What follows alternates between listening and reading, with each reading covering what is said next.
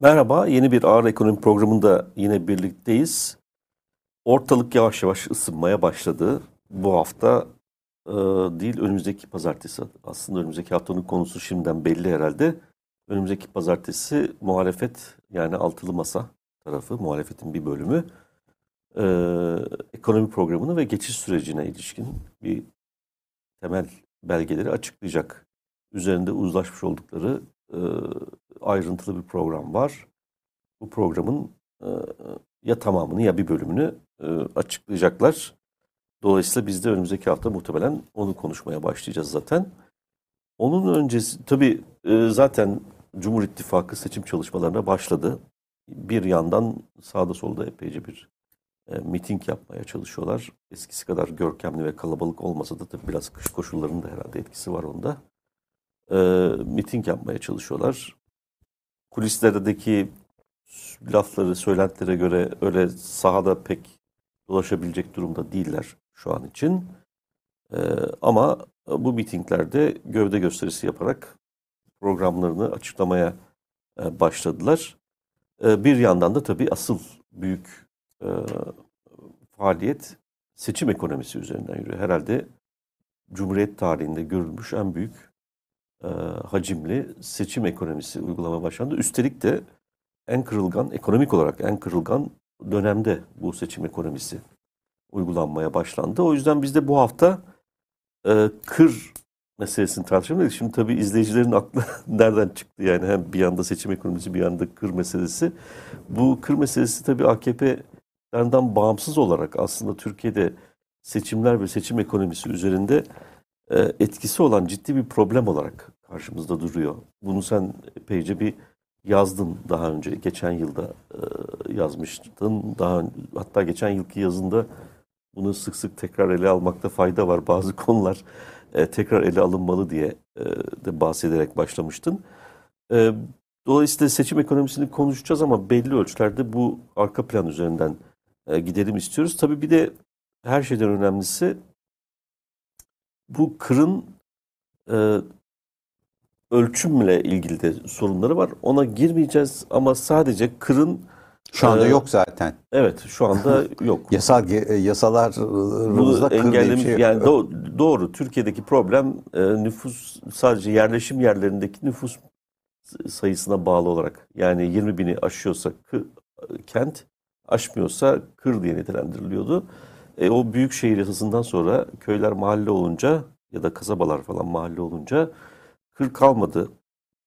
Teknik olarak şeyin üzerinde. Çözdük yani. Kağıt üzerinde Köylülük çözdük. sorunu evet, çözüldü. Görmezsek çözdük sayıyoruz.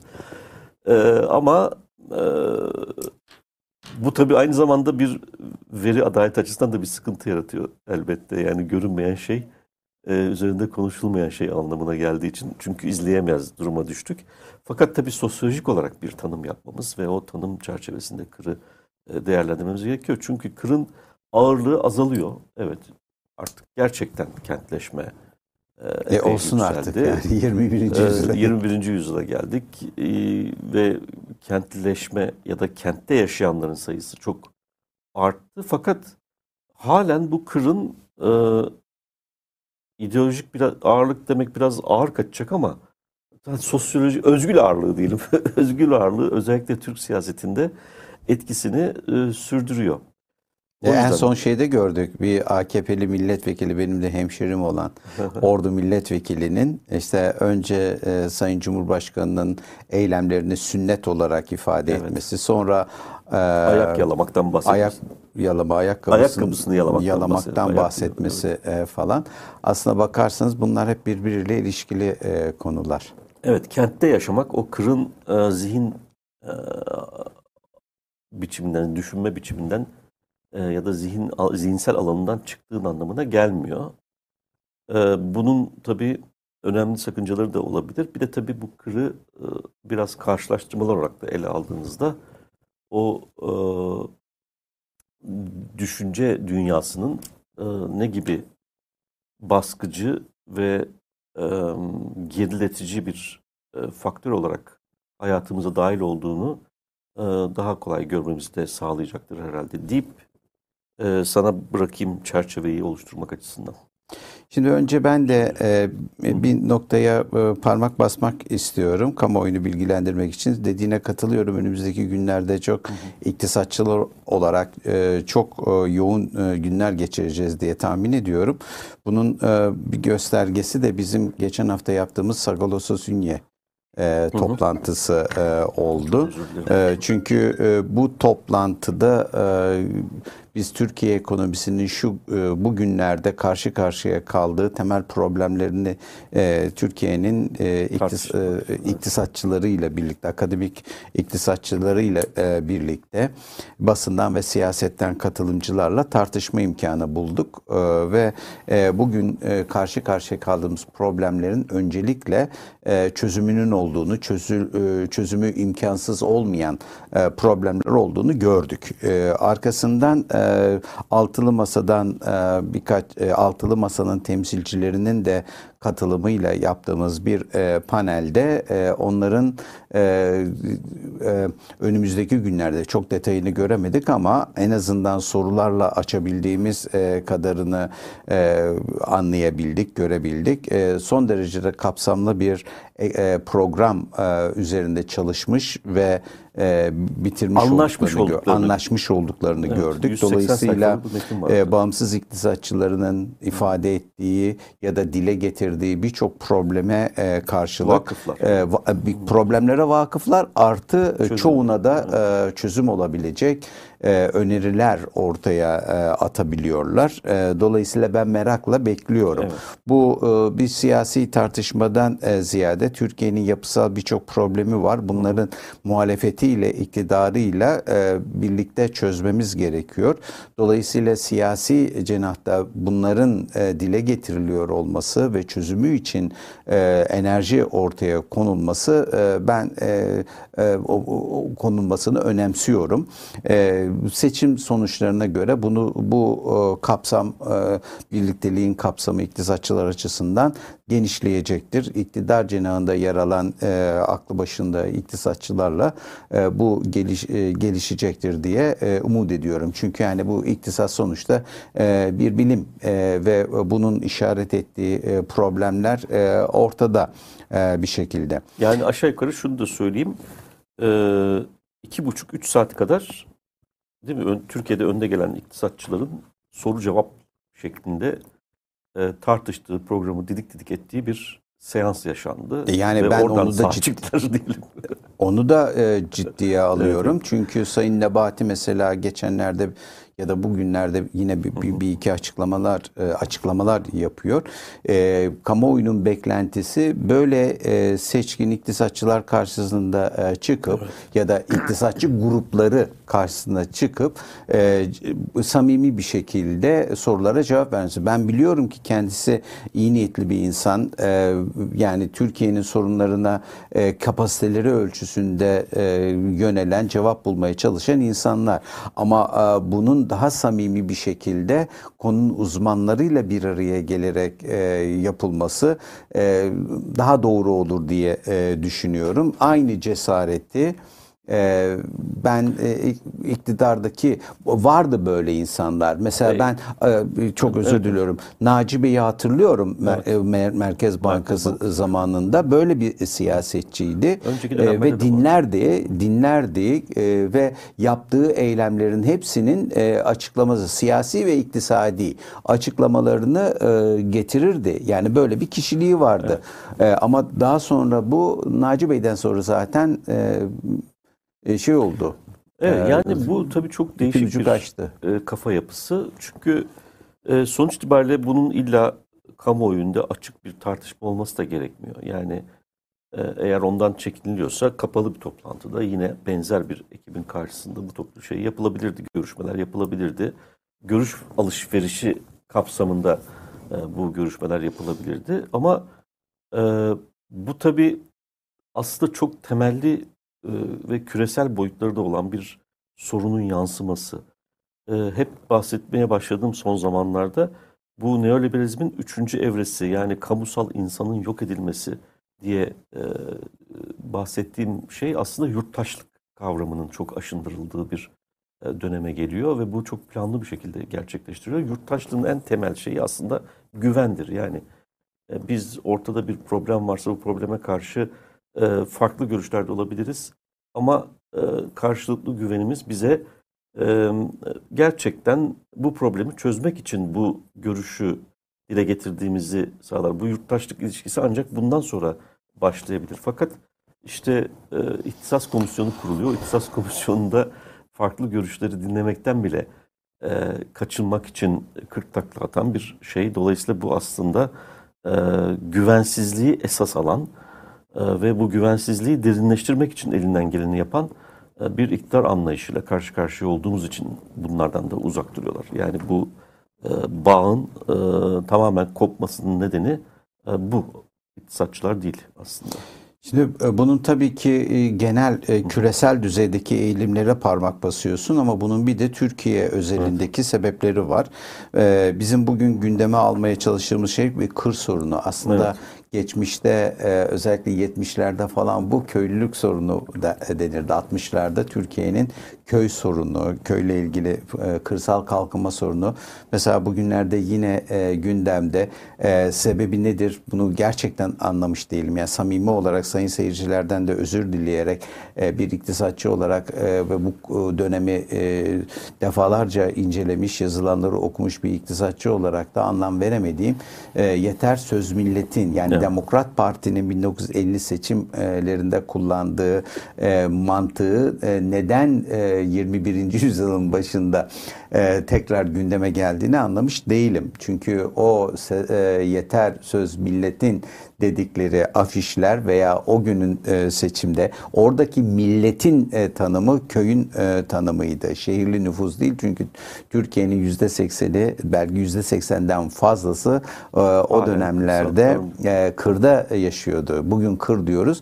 E, o günkü terminolojiyle köyde Öyle. yaşıyordu ve o millet kavramı içerisine e, konulan aslında e, köylülüktü. Köylülüğün kırsal kalkınmaydı. Şimdi Sayın e, AK Parti yetkilileri seçim kampanyalarında e, yer alan insanlar bu sloganı o günlerden arşivlerden çıkartıp bugüne getirdiği zaman e, acaba bir kırsal kalkınma mı 21. yüzyılda Türkiye'ye vizyon teşkil edecek yeni bir kırsal kalkınma projesi mi e, ön plana çıkartıyorlar? Bu konuda benim bir iktisatçı olarak aklım karıştı.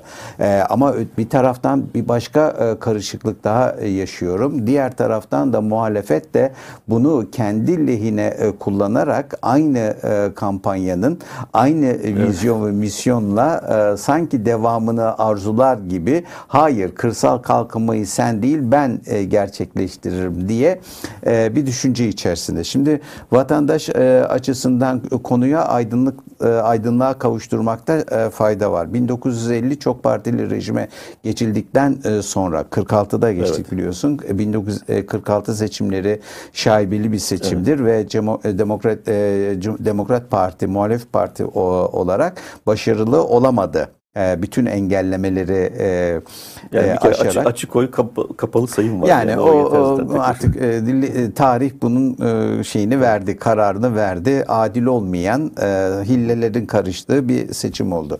1950 öyle değil ki e, beraberinde de değişim oldu. Bu siyaset bilimcilerin tartışması gereken e, bir konu. Ancak iktisatçılar açısından 1950'lerin e, iki tane temel e, önemi vardır. Bunlardan bir tanesi e, bir kırsal kalkınmanın başlanması, başlaması. Yani Türkiye'nin Osmanlı'dan devraldığı köy sorununun hatta 1922 meclis açılmasın açılırken Cum, e, Mustafa Kemal Atatürk'ün ifade etmiş olduğu gibi hani Serfet'te ve çok kullanıyoruz. Köylü e, milletin, milletin efendisidir e, lafında da ifade edildiği e, gibi e, kapsamlı e, bir yani milletin efendisi e, olan e, kesime yönelik e, refah refah e, politikalarının e, başladığı bir yıldır. Birincisi bu. İkincisi 19 e, İkinci Dünya Savaşı e, boyunca o, e, ortaya konulan ekonomik pol, e, politikalar ve tasarruf e, özellikle tasarruf politikasıyla biriken kamunun elinde biriken sermaye birikiminin kamudan özel kesime devredilmesi ve sermaye birikiminin özel kesim eliyle gerçekleştirilmesine başlandığı e, bir yıldır. Dolayısıyla Demokrat Parti'nin misyonu sadece kırsal kalkınma değil, bu kalkınmayı e, gerçekleştiren kamunun elindeki ser, birikmiş sermayenin e, bölüşümüdür. Yeniden dağıtımını da yapmıştır. Burada yeni, e, yeni refah, yeni kaynak üretmekten bahsetmiyorum. Devletin elinde olan e, kaynakların yeniden dağıtımı, Hı-hı. devletten özel kesime transferi. Nasıl bu transferi? Tabii ki kimsenin hesabına işte belli bir miktarda paranın gitmesi buradan anlaşılmasın. Burada e, söylemek istediğim şey kırsal kalkınma için uygulamaya başladığı e, altyapı hizmetlerinin finansmanını devlet kaynaklarıyla, kamunun kaynaklarıyla ve yatırım politikalarıyla değil mi e, gerçekleştiriyor. Yol e, yapıyor mesela. Elektrifikasyon, Elektrifikasyon sulama e, gibi işlemler. Bunlar e, Türk köylüsünün temel problemlerinden e, bir tanesi. Cumhuriyetin devraldığı problemler. Yol e, yok. Dolayısıyla yolun olmaması ta, pazar entegrasyonu e, sağlanamaması demektir. Üretilenin ister artı artık olsun ister olmasın ama üretilenin değerini bulamamasıdır. Piyasalaştıramadığınız zaman, piyasaya e, ulaştıramadığınız zaman orada üretilen e, değeri yollarla pazar entegrasyonu sağlayamadığınız zaman değeri oluşturamazsınız. Dolayısıyla Cumhuriyet'in ve e, Demokrat Parti e, Türkiye'sinin hedeflerinden bir tanesi. De ölçek de yaratamıyorsunuz. Değeri. Yani. Ölçek e, ama bu e, bence en önemli. Tabii. Cumhuriyet'in de ekonomik açmazlarından bir tanesi buydu pazar entegrasyonu evet. sağlayamaması e, idi. Dolayısıyla bu elbette göç için e, altyapı oluşturmuş oluyorsunuz. Bunda bir beis yok. Ancak e, öteki taraftan ürünün tarımsal artığın değer kazanması, sermaye birikiminin tarımsal artıklarla e, gerçekleşebilmesi mümkün hale geliyor. Dikkat edin ekonominin e, nüfusun yüzde seksenden fazlası tarımda çalışıyor. Temel iktisadi faaliyetiniz tarım, sanayi yok, başka hiçbir e, şey yok. Hizmet sektörü dediğimiz ticarette tarımla ilişkili. Dolayısıyla tarım e, artıyorsa, tarımsal faaliyet artıyorsa ticaret artıyor. Tarımsal faaliyetler daralıyorsa ticarette e, daralıyor. Dolayısıyla tarıma dayalı bir ekonomi.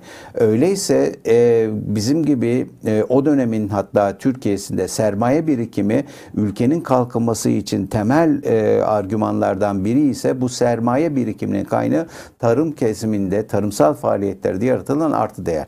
Dolayısıyla bir bu değeri yaratacaksınız, piyasalaştıracaksınız, değer katacaksınız. Sonraki aşamada da bu artığa bir şekilde el koyacaksınız. Şimdi e, Demokrat Parti öncelikle bu değeri yaratıyor. E, da arkasından bu e, yapması gereken de buna el koyma e, meselesi. Bu tarımsal artığa el koyabilmek için mesela bir bu birikim sorununun yani tarımsal artığın kimin elinde birikeceğine karar vermek gerekiyor ve işte Osmanlı'dan günümüze miras kalan problemlerden bir tanesi burada toprak büyüklükleri, toprak mülkiyeti önem arz etmeye başlıyor. Çünkü küçük üreticiler ürettikleri e, e, değer itibariyle e, yeteri kadar büyük değere ulaşamadıkları için finansal dirençleri de düşük oluyor. Dolayısıyla büyük üreticilerin elinde değil mi oyuncak oluyorlar. Dolayısıyla toprak mülkiyeti bu bakımdan önemli bir belirleyici oluyor. Yani sermayenin kimin elinde yoğunlaşacağını siz baştan belirlemiş oluyorsunuz. İkinci husus e, finansman. Osmanlı'dan günümüze hatta bugün bile e, konuştuğumuz konulardan bir tanesidir. Tarımın finansmanı hala çözülebilmiş değildir. Kocaman bir banka kurduk. E, Türkiye'nin en büyük bankasını kurduk. Sırf bu problemi çözebilmek için ama o banka tarımla uğraşmak yerine medya sektörüne, evet. enerji sektörüne girdi. Paraların çoğunu oralarda kullanır hale geldi. Demek ki tarımdaki finansman sorunu çözmüş ki e, işsiz kalmış. O yüzden de faaliyet alanını diğer taraflara doğru e, kanalize etmiş. Bakın bu e, finansman sorunu küçümsememek lazım. Geçen hafta sanırım kaybettik e, Umut Hasan değil mi? Evet. E, Ankara bir şey ODTÜ öğretim üyesi. Değerli bir çalışması var. Özellikle tarımdaki finansman sorunları ile ilgili. Bu tarımla kırsalla ilgisi olan birçok vatandaşımızın bildiği bir şeydir. Tefecilik sorunu. Tefecilik bir kurumdur. Informal finansman sistemidir ve özellikle tarımdaki artığın el değiştirmesi, servet transferlerinde e, etkili Temel olan kullandım. bir e, şey mekanizmadır. Bir değil mi? Servet Tabii. transfer mekanizmasıdır tefecilik ve bu tefecilik mekanizması aslında informal bir piyasa değil mi? Düzenlemeleri şunları bunları yok. Devlet güvencesinde olmayan piyasadır.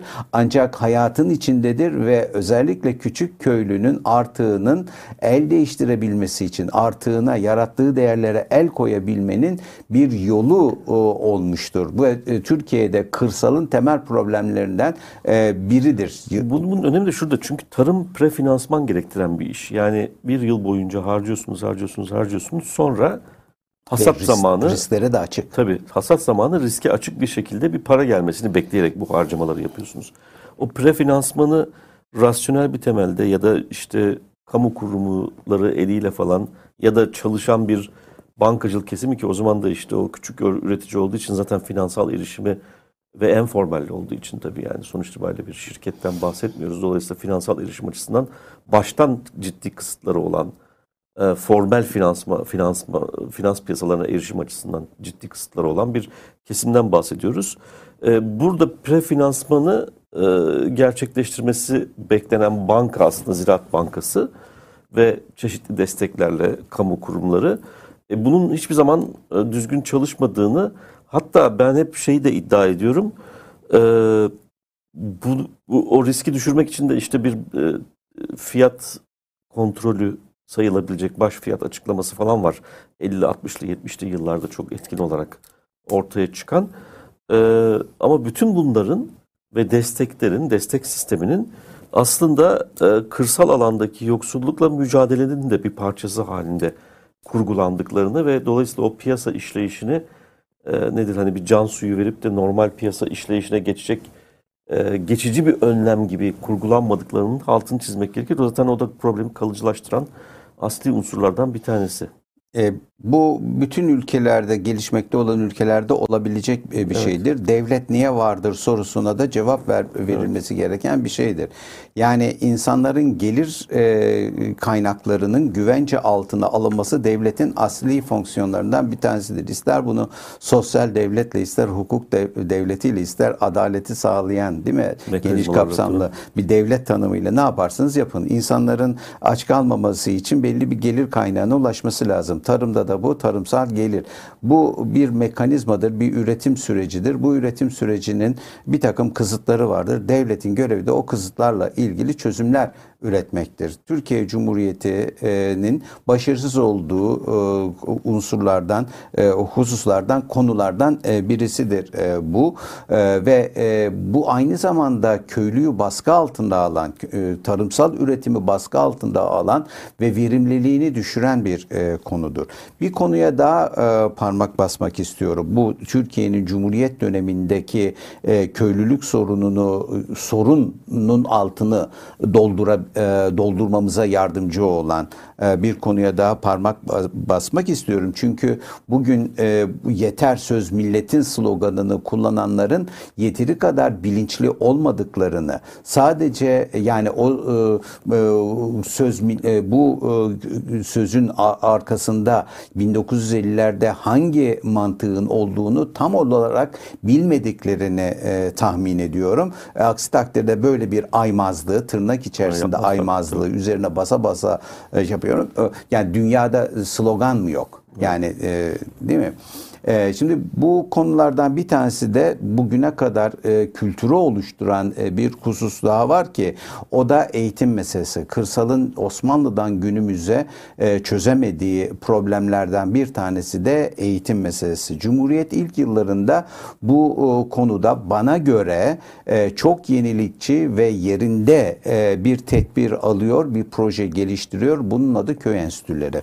Bu kırsal kalkınmanın bence e, temel, kili, temel e, koşullarına, e, e, temel prensiplerini e, görmüş, e, temel e, kırsal kalkınmanın temel noktalarına parmak basan e, son derecede yenilikçi bir proje e, benim kanaatimce. Tabii bu farklı görüşler olabilir, saygı duyarım ama benim gördüğüm e, bu. Çünkü neyi e, öngörüyor köy e, bu köy enstitüleri tarımdaki bir vasıf sorunu var, üretkenlik sorunu var. Bu üretkenliğin bilgi ve beceriden, e, beceri eksikliğinden kaynaklandığını biliyor. Emeğe vasıf kazandırmak Değil mi? Evet. E, dolayısıyla e, yerinde, yerelinde emeği vasıf kazandırabilmek ve kuşaklar arasında e, bunun transferini sağlamak bir eğitim sistemi vasıtasıyla. Yani bunu şöyle de düşünmek lazım. O vasıf kazandırma sadece tarımsal vasıflardan bahsetmiyoruz değil mi? Orada inşaatla ilgili işte diğer gündelik işlerle ilgili çeşitli becerilerin de e, oluşturulması için bir e, eğitim programı o tür becerilerin oluşturulmasını da içeriyordu. Bunu şu kontekste düşünmek lazım e, e, girişte söyledin henüz e, yolların tam olarak oluşturulamadığı dolayısıyla bir entegrasyonun e, yüzde yüz sağlanamadığı elektrifikasyonun falan da e, sınır şimdi sınırlı olduğu bir zamandan bahsediyoruz. E, bu yolların oluşamaması mal hareketlerini zorlaştırıyor.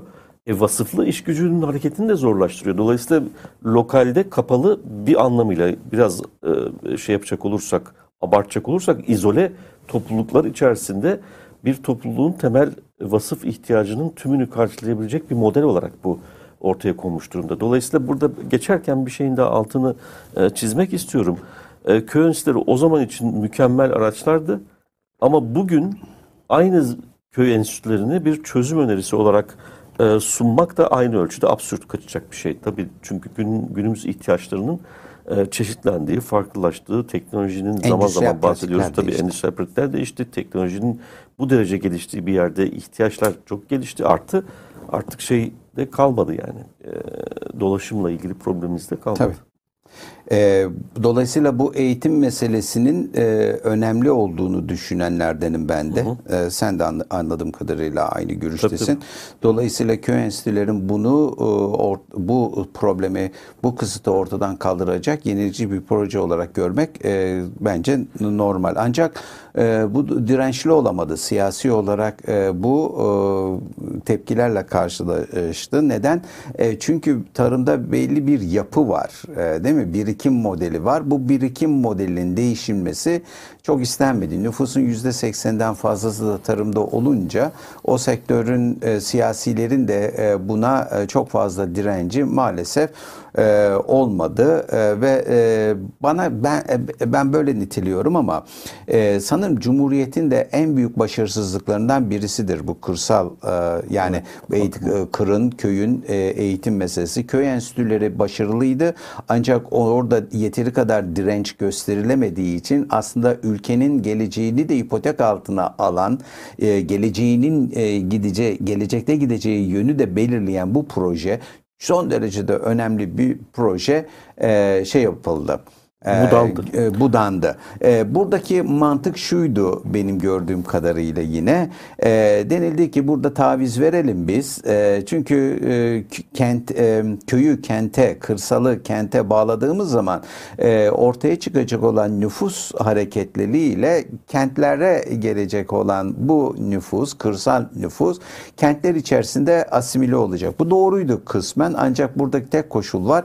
Bu e, e, e, şeyin göçün e, hızını e, kontrol edebildiğiniz e, süreci doğruydu. Bunun asimile edilebilir kentlerde evet. dönüştürülebilecek e, düzeyde bir hıza indirgediğinizde bu mümkündü. Bunu da yapmanın yegane yolu tarımsal gelirlerle yani iş ticaret hadleriyle e, kırsal e, gelirler arasındaki dengeyi korumak. Biz buna da iş ticaret hadleri diyoruz. Hı hı. Değil mi? En basit o, o şekilde o görebiliyoruz şekilde. mevcut verilerde. Ama bu iş ticaret hadlerindeki dengeyi maalesef Türkiye zaman içerisinde siyasi öncelikler e, değiştikçe koruyamayınca e, kırdan kente göçün de hızını kontrol edemez duruma geliyor ve hızlanan göçle birlikte kırsal nüfusun kentlerdeki kırsal nüfusun e, asimile olmasına, kültürel manada dönüşümüne e, dönüşümünü sağlayamıyor ve kentsel bir şey oluyor. Kentler içerisinde kırsallık e, yani kırı kente taşımış oluyorsun. Aynen. Değil mi? Yani lokasyon değiştiriyorsun. Evet evet. Yani zaten asıl büyük Ama problem... kültür de ona göre e, asimile oluyor. Mesela tabii, tabii. türküden e, batı müziği e, diyelim. En basit Hı-hı. güzel bir örnek. Bir tarafta halk müziği var. Diğer tarafta batı müziği kentleri te- tasvir etsin. Bunlar e, gelince e, şehre gelince kırsal ikisinin e, hibriti olan bir arabesk kültür oluşuyor Hı-hı. mesela. E, e, o çok epey tartışılmış bir konu olduğu için evet yani altın çizmekte fayda var. Ee, bir şeyi de altın çizmemiz de gereken başka bir unsurdan bir tanesi de az önce bahsettiğim gibi şimdi o izole topluluğu düşünecek olursak az çok dışa kapalı. Burada zorunlu çalışma saati diyebileceğimiz yani sonuçta bu topluluğun e, hayatta kalabilmesi, kendini idame ettirebilmesi için ihtiyaç duyulan e, minimum refah seviyesini ya da işte neyse ihtiyaç duyulan malların üretimini sağlamak için çalışılması gereken e, süre aslında o kadar yüksek değil.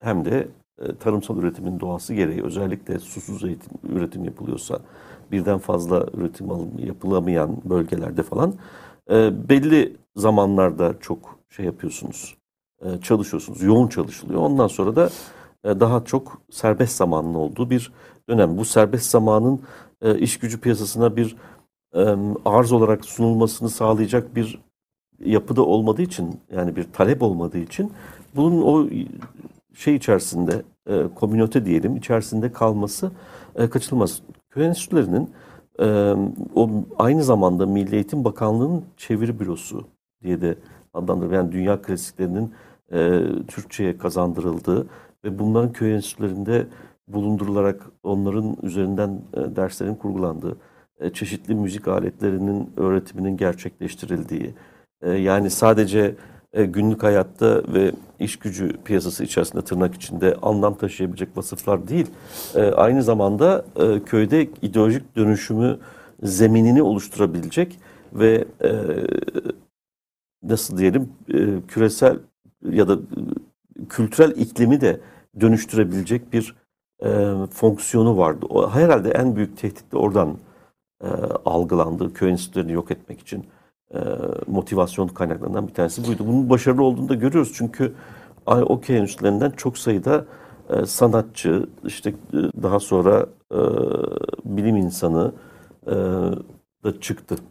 Bunları da yani gördük. Türk sanatının, Türk resim sanatının önemli, önemli eserleri, insanları oradan çıktı. Evet. Ee, bunu katılıyorum. Zaten benim konuyu bağlamak istediğim nokta da bu. Köy enstitüleri kültürel bir dönüşüm projesiydi aynı zamanda. Kırsal Osmanlı'dan e, Cumhuriyete miras olarak aldığımız e, kültür, köylerdeki kültür e, daha muhafazakar ama muhafazakarı lütfen e, hani bugünkü anlamıyla düşünmemek Yap, lazım. Konservatif. E, şimdi Koruma. konservatif e, yani nasıl diyeyim yani bu bunda bir program yapmamız lazım evet. muhafazakarlık e, meselesini e, geleneksel üretim e, ilişkilerinin e, hakimiyetinin e, hakim olan geleneksel üretim ilişkinin devamını e, muhafaza etmek isteyenler. Evet E, aynı zamanda bunun kültürel altyapısını yani özellikle skolastik e, düşünceye sahip e, bir kültür e, yapısı var. Dine e, dayalı, hurufeye dayalı. Yani mesela e, geçen hafta e, bunun kalıntılarını yine gördük. E, e, çeşitli bölgelerde yağmur duasına çıkmak e, gibi. E, şimdi e, bu tabii ki e, pagan kültürünün de e, bir ölçüde şeyidir e, uzantısı. Müesses nizam tarafından absorbe edilmiş e, diyelim. Yani e, şimdi e, biliyoruz e, neden yağmurun yağmadığını. Yani rastsal bir olay değil. Buna girmek tabii, istemiyorum. Evet. Yani Onu ayrıca neden e, kırsalda rasyonelite eksik. E, yani e, rasyonel düşüncenin kırsala hakimiye, hakim nasıl kılınabilir? Neden dini referansları ağırlıklı? Bunları ayrı bir e, tartışırız. Hatta belki e, konuk da alırız. Ama bu iktisatta da önemli. İktisadi yönelimleri belirlerken e, bugün hani seçim ekonomisini falan tartışıyoruz. Bunlar önemli. Bir şey Geçerken e, bir referans vermek istediğim bir film var. Emre Alper'in e, Kurak Zamanlar.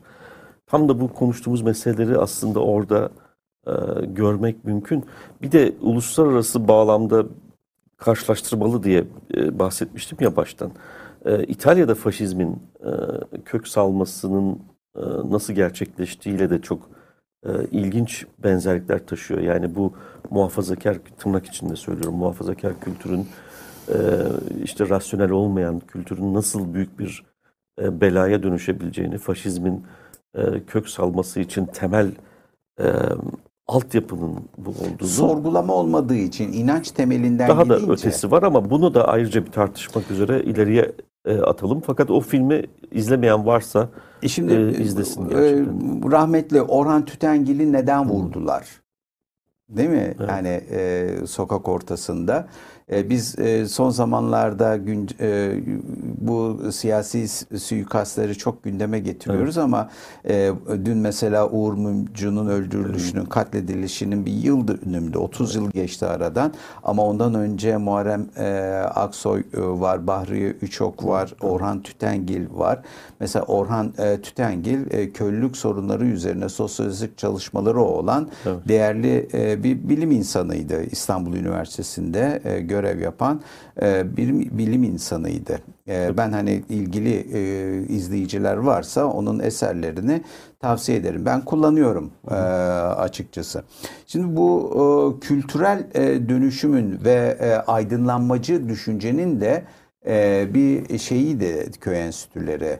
Taşıyıcısı. taşıyıcısıydı. Yani adı köy enstitüsü ama yani bizim ihtiyacımız olan aydınlanmacı fikrin, sorgulayıcı fikrin kırsala hakimiyetini evet. sağlamak. Köy enstitüleri bunun bir aracıydı. Köy enstitüleri kaldırdınız. Başka bir isim altında önemli olan bu misyonu taşıyabilmek, aydınlanmasını sağlayabilmek. Bunu yapamadığınız zaman Bakın bu e, köy enstitüleri kaldırdılar.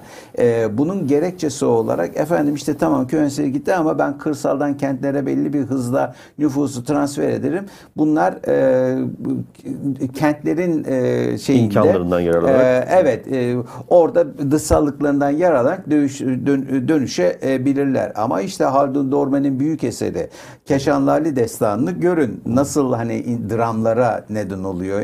insanlar evet. hayatlara e, neden neden oluyor e, bunun da değil mi? Kente uyum e, açısından. E, Lütfü Akat'ın yanlış hatırlamıyorsam Var, Gelin evet. filmi. Devasa müthiş filmler onlar.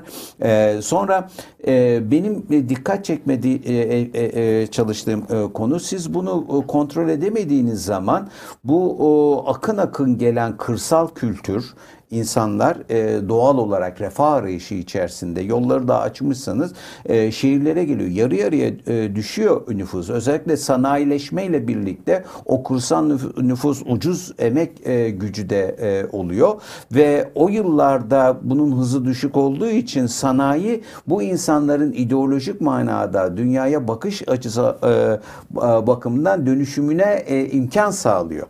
E, sanayileşmeyi o yüzden küçümsememek lazım. Hı hı. Yani bir sınıf bilinci yaratma e, konusunda özellikle o 1960'ların sonu 70'ler önemli bir fonksiyon icra ediyor. Ancak daha sonraki yıllar sanayileşme de ortadan e, kalkınca e, bu nüfus kentlere gelen nüfusu özellikle de bu e, kırsal nüfusa kültürel manada e, sorgulayıcı bir zekaya e, zihniyete kavuşturacak dışsallıkları yaratacak bir iktisadi faaliyet içerisinde kendisini bulamıyor bu nüfus.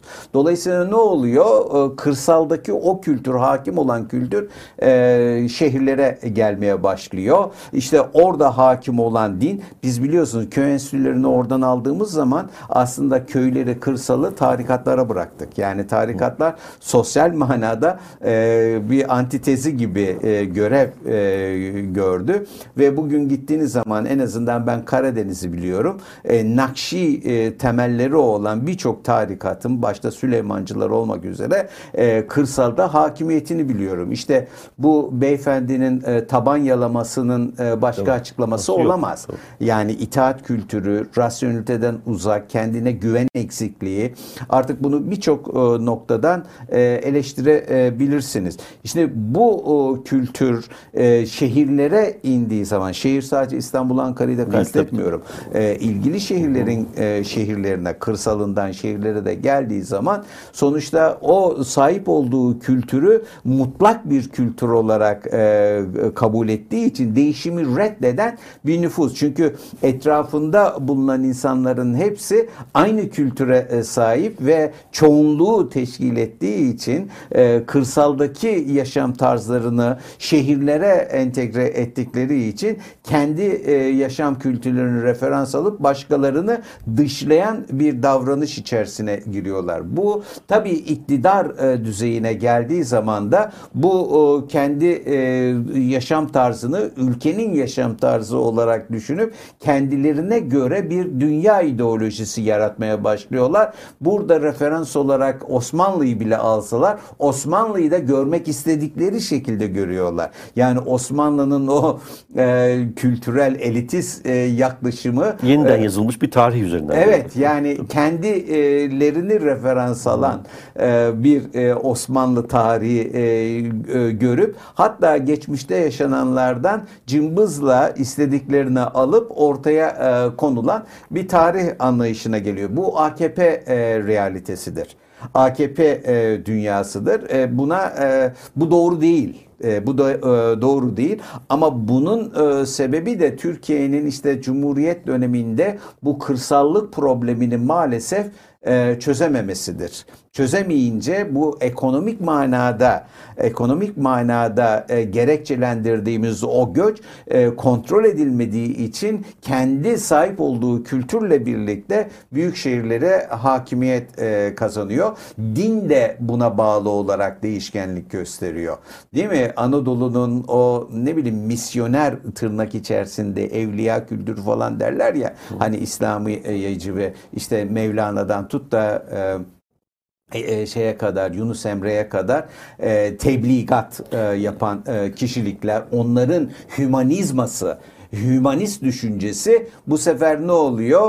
Ee, bu tarikatların e, misyonlarıyla dönüşüp Anadolu Müslümanlığı da hümanist Anadolu Müslümanlığı da Arap Müslümanlığına, İslam'ına doğru evrilmeye başlıyor. Orada aslında piyasayla bütünleşmeden de bahsetmemiz lazım. Yani bu irrasyonel. Hocam ben insanların kalbine hitap etmeye çalışıyorum. Sen yine maddeye çekiyorsun. İrrasyonel e, İslamiyet'in doğuşunda çok önemli bir payı var. Yani bunların ticarete atılmaları firmaları e, ve bu işte özellikle hizmet sektöründe e, büyük bir e, ahilik, e, büyük bir e, yer kaplamaları ve bütün bu dinsel yorumlarında piyasa e, uya, uyumlu, piyasaya uyumlu bir halde e, yaygınlaştırmaları tabii çürümenin başka e, temel nedenlerinden bir tanesi de bu aslında herhalde. Burada tabii bir de şeye dönüşmemiz lazım, dönmemiz lazım. Kısa da olsa bir bahsetsek fena olmayacak. E, siyasetin yaklaşımı açısından bunun önemine yani e, sonuçta tamamen kırsal bir e, şey vardı 50'li yıllardan bahsediyorum. Değil mi? Orada esas itibariyle e, işte bahsettiğimiz o tarımsal teşviklerin bir sosyal transfer mekanizması gibi kullanılması da dahil olmak üzere e, işlerliğe girdiği ve bunun oya e, dönüşmesi sağladı. Şimdi bu tamamen e, şehirlere taşınınca yine aynı tra- sosyal transfer mekanizmaları devrede ama bunun yeterli olmadığını da görmek istiyoruz. Ama ee, siyaset dili değişiyor. Yani evet. e, Demokrat Parti ben o yüzden buna itiraz ettim. Sözünü böldüm ama e, Yeter Söz Milletin kampanyası e, tarım e, nüfusun yüzde sekseninin köylerde yaşadığı bir ülkede e, kullanılan e, ona göre metaforları olan bir stratejiyken şimdi nüfusun çoğunluğunun kentlerde yaşadığı bir ülkede gidip sen aynı ideolojiyi kullan, aynı sloganı kullan. E, işte e, şey, gerekçelendirmeden e, olmaz. Yani siyasetin yaklaşımı aslında o açıdan büyük bir yani değişmediğini varsayıyor ve onun üzerinden şey yapıyor ama e, değiştiriyoruz. Bekir Ağırdır çok üzerinde duruyor. Aslında Almanya'da, yurt dışında, Hollanda'da, Almanya'daki işçilerde de benzer şeyi görmemiz mümkün. Üçüncü kuşak, üçüncü kuşak e, tamamen bu e, ilk iki kuşağın taşıdığı değerlerden farklı bir hale geliyor. Yani Bekir Ardır söylüyor sürekli.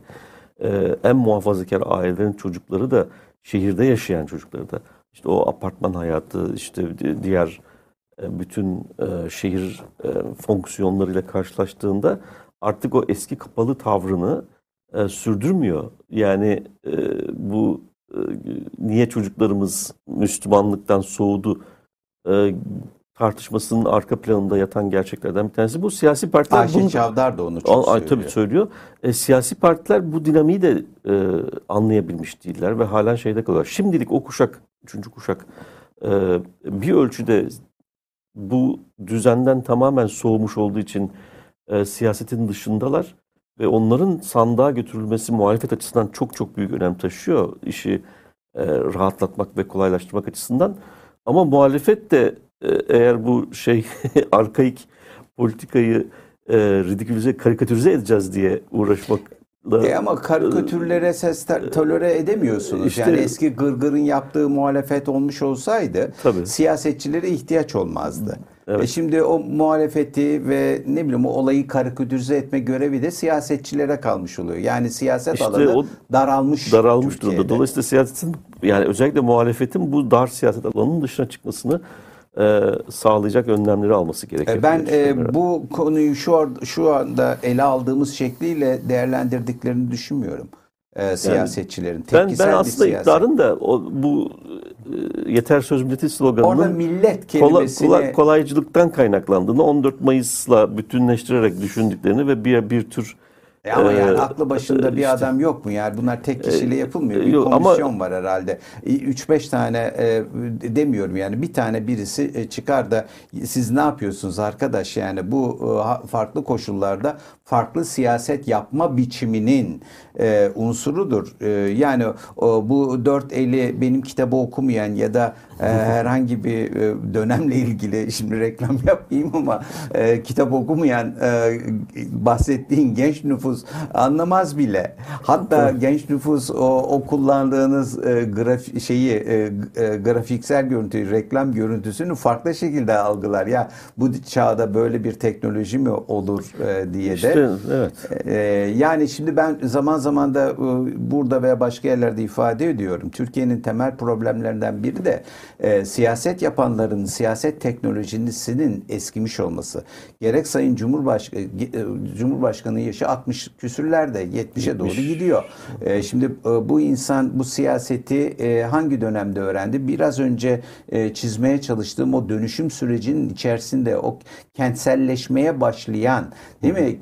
Kırdan e, kente gelmiş o e, buradaki kültür içerisinde kendisine yer teşkil etmeye çalışan, yer oluşturmaya çalışan bir kültürün temsilcisi. Hem kendini kente karşı korumaya e, çalışan işte kültür o işe e, yarıyor. Dünyayı algılamaya, yaşanılan çevreyi nasıl yorumlaması gerektiğine e, yarıyor. E, böyle bir nüfusun içerisinde o oradan geliyor. E, keza e, şey de e, e, Cumhuriyet Halk Parti e, Kılıçdaroğlu da e, farklı bir e, bölgeden farklı şekilde o da Ankara'ya e, geliyor sanırım. Yani çok e, geçmişlerini bilemiyorum ama aynı kuşağın e, insanları bunlar. E, birkaç yaş aralarında e, fark olabilir. Bunların içerisinde Meral Hanım belki onlardan sonra e, bir nebze daha e, genç e, bir kuşaktır. Dolayısıyla e, Temel Bey'i hiç söylemiyorum e, zaten. E, o, bunun e, direkt e, içerisinde ve yapıcıları e, arasında. Şimdi bu insanların alışık oldukları dünya vizyonu ve siyaset yapış tarzları geçmişte kalmış e, durumda. Bu insanlarla geleceğe umut e, yaratabilmek, Taşımak, geleceği algılayabilmek mümkün değil. O yüzden ne yapıyorlar? Bunlar hep geçmişi referans alıyorlar. Geçmişteki davranışlarını, geçmişte söylenenleri e, bildiği bu, alanda kalıyor yani aslında. E, tabii e, bilemediği Ama, alanlara geçiyor. Bunun bir e, istisnasını yapmaya çalışan Muharrem İnce e, seçim kampanyası. O da 4-0'ı geçemedi. 4'ten evet. 5'e geçemedi. Vers e, versiyonunda kaldı. Uzay, uzay var bir de. onu bilmiyorum. E, yani e, o da e, bunu tam sindiremediği için taşra politikasına mahkum kaldığı için e, şey kaldı dilinde e, çok gerçeklikle örtüşmedi yani. Örtüşmedi. Evet. Asıl problemi aslında bir, bir bakıma da o.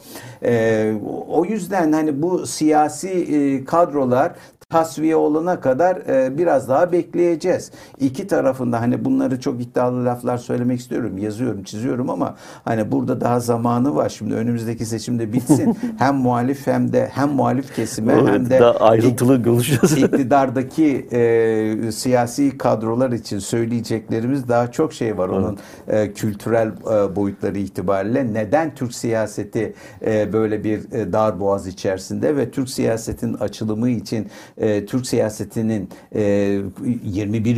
yüzyıla getirme. Bir ara öyle bir program yapmıştık. Vardı. 21. Evet. yüzyıla getirmek Getirmek, gibi. Evet. Ya da ben bir yazımı ne yazmıştım? Birkaç yazı yazmıştın evet. ama bir, bir yandan bu siyasi partiler kanunu da zaten bu siyasi zaten temel orada temel başlıyor. Oradan başlıyor. E, çünkü e, siz e, demoden niye kalıyorsunuz? Bu bu insanlar hala partilerinin başında. Başında aşağıdan besleme bir dönüşüm, değişim e, falan yani, söz konusu e, değil tabii. Şimdi e, siz e, Almanlar bizi kıskanıyor, İngilizler bizi kıskanıyor. Biz bir türlü onları kıskanamıyoruz. Evet. Yani biraz İngilizleri kıskansak da mesela e, liberal parti içerisinde e, e, Tory'ler ne deniyordu? Muhafazakar Muhafazak. Parti ve İşçi Partisi içerisindeki demokratik mekanizmaları devreye sokabilsek. Her seçimde bir başkan değişikliği oluyor ve biz Türk vatandaşı olarak o değişikliğe bakarız ya ne biçim demokrasi bunlar diyoruz. E, Yeni Zelanda'da biliyorsun başbakan ee, yani şey kadıncağız e, yoruldum haklı. Ya yani e, yani bu insanın bir hayatı var evet, sonuçta. Çocuğuma var, daha çok var. vakit ayırmak yani istiyorum. Yani bir insan kendi çocuğuna yeteri kadar zaman e, veremiyor ve onu önceliğini öne çıkartmıyorsa e, o insan bir toplumun e, sorunlarına, duygu dünyasına nasıl hükmedebilir?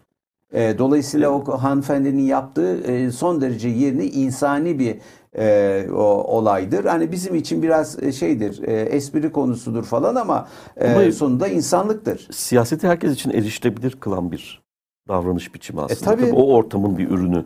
Bizde, bizde ise siyaset bir esnaflığa dönüşmüş durumda. Yani bir meslek. Meslek tabii. Meslek olunca o zaman işte o meslek e, meslek olunca bu sefer tabii. ne oluyor? Siyasetten rant elde edebilme davranışı. Nereden gelir elde edeceksin?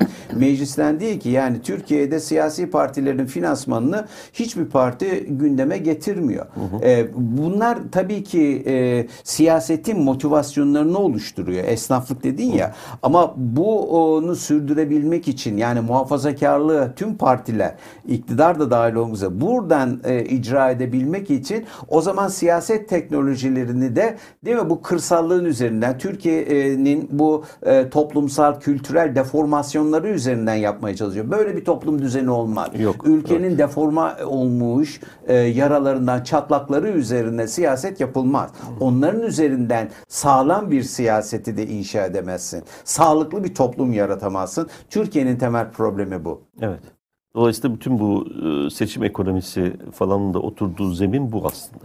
E tabii canım yani bugün evet. E, şimdi hadi boş ver e, çok fazla söylemeyeyim. E, siyaset kültürümüz bizim bu. Tabii. Yani bugün AK Parti iktidarda e, olmuş olması bunun muhatabı AK e, Parti kılıyor. ama o da olmasa yine biz aynı problemleri aynı şeyleri konuşacağız. Olacak. Bu normal karşılanıyor çünkü. E, basınımız da bunu normal karşılıyor. Hı. Yani e, adam benim paramı yani ben geçenlerde e, yazdım da bunu. E, ben devlete vergi veriyorum. Hı hı. Ee, şimdi vergi affı getirmiş. Hmm. Ben devlete vergi veriyorum, eğitim hakkı istiyorum eğitim çocuğumu okula göndermek istiyorum. Ama ben devletin bana sağladığı eğitim hizmetinden yararlanamadığım için, kalitesi yeterli olmadığı için, benim dünya görüşüme, evrensel değerlere aykırı bir eğitim olduğu için ben çocuğumu özel okula göndermek zorunda kalıyorum, ekstra para veriyorum. Ben sağlık hizmetinden yararlanmak istiyorum. İnsan insan haklarından birisidir bu. Herkesin temel kaliteli sağlık hizmetine erişimin erişimi, garanti olması lazım. E, hakkı olması lazım devlet tarafından.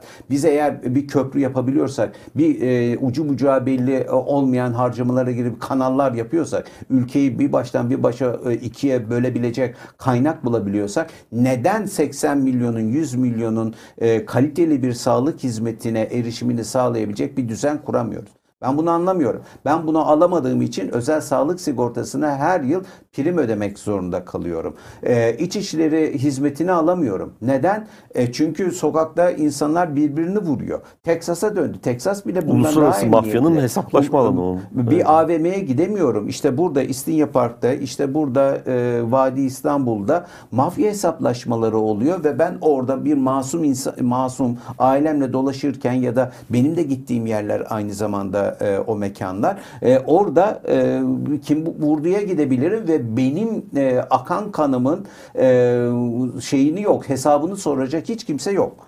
Devlet de e, sormuyor. E, o zaman ben özel e, şey yapabilirim. Özel güvenlik mi tutmam lazım? Adalet sistemine e, giriyorum. Adalet sistemi kişiye özel çalışıyor. Maalesef bu kişiye özelde bir e, iktidardaki siyasi partilere e, hizmet üreten bir sistem haline gelmiş e, durumda. E, biliyoruz ve kimin niçin e, içeride olduğunu e, biz bilmiyoruz. Herkese farklı muamele yapıyor. E, iyi de yani biz yıllarca uluslararası tahkimi tartıştık bu ülkede. Dedik ki Türk ticaret mahkemelerinden daha mı üstündür İngiliz mahkemesi, İsviçre e, mahkemeleri evet. ya da Londra mahkemeleri. Değil mi? Bunu tartıştık biz. Ben İzzettin Hoca'nın o, şeylerini e, e, basına çıkardı, televizyona çıkardı, anlatırdı vatandaşa. Bizler de hepsini haklı ya hocanın bütün söyledikleri derdik. Ama aradan yıllar geçti. Hoca ticaret mahkemesiyle bunları açıklardı o dönemde. E, şimdi geldiğimiz noktada biz e, ya tahkimi e, artık normal karşılıyoruz. Ceza mahkemelerinin de ne bileyim işte Londra Ceza Mahkemesi olmasını e, Kimseyi bir kesimi rahatsız etmez en azından. Evet. E, yani e, ben neden para veriyorum? Adalet hizmetini üretemiyor. Ben o zaman böyle seçme şansım varsa Türkiye Türk yargısı belli kesimlere adalet üretiyorsa, onların lehine şey yapıyorsa ben e, burada da özelleştirme evet. yani kamu hizmeti üretiminin özelleşmesini istiyorum. E, çünkü şu anda kamu e, sahip olduğu tekellerle kaliteli ve kapsayıcı bir hizmet üretemiyor. E o zaman ben niye vergi veriyorum? İki alternatif var. Ya özelleştireceksin bu hizmetleri mübalağayla söylüyorum ya da e, benden vergi almayacaksın. Ben o vergiyi niye ödüyorum? Sen eğitim hizmeti sunmuyorsan, adalet hizmeti sunmuyorsan, güvenlik hizmeti sunmuyorsan ben niye vergi ödüyorum? Sadece 3-5 e, o konvoyların finansmanı için mi ödüyorum? Siyasi partilerin finansmanı için mi ödüyorum? Sarayların finansmanı mı için mi ödüyorum? Gereksiz yatırımların üstelik de etrafa çevreye Şov çok zarar veriyor. üretiyorum. Tabii. Ve bakın e, şimdi köprüler möprüler yapılıyor. Hiç kimse bunlara itiraz etmiyor e, yapılan altyapı yatırımları ama vatandaşın itiraz ettiği, iktisatçı itiraz ettiği zamanlaması evet. e, yıllarca e, Besim Üstünel'i eleştirenler olurdu birinci köprü için değil mi? Hı hı. E, 15 Temmuz e, şimdiki adıyla Boğaziçi Köprüsü'nü e, şeyde.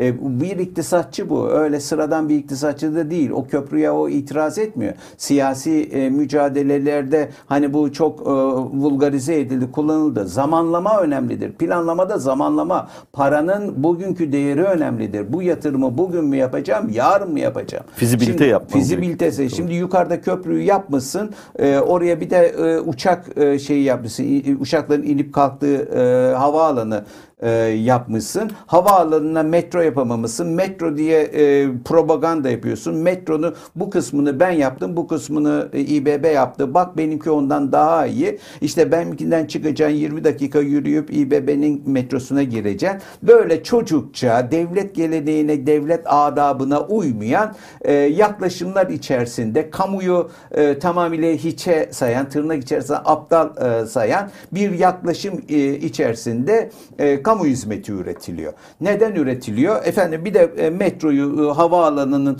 e, dışına yapmışsın. Milleti orada e, yürütüyorsun, şey yapıyorsun, bu yapıyorsun. Öteki tarafta bütün altyapılarını bitirdiğin havaalanını da kapatıyorsun. Evet. Diyelim ve e, önümüzdeki hafta, bir 12 olmuş saat. Önümüzdeki hafta tekrar buluşmak dileğiyle. Hoşçakalın.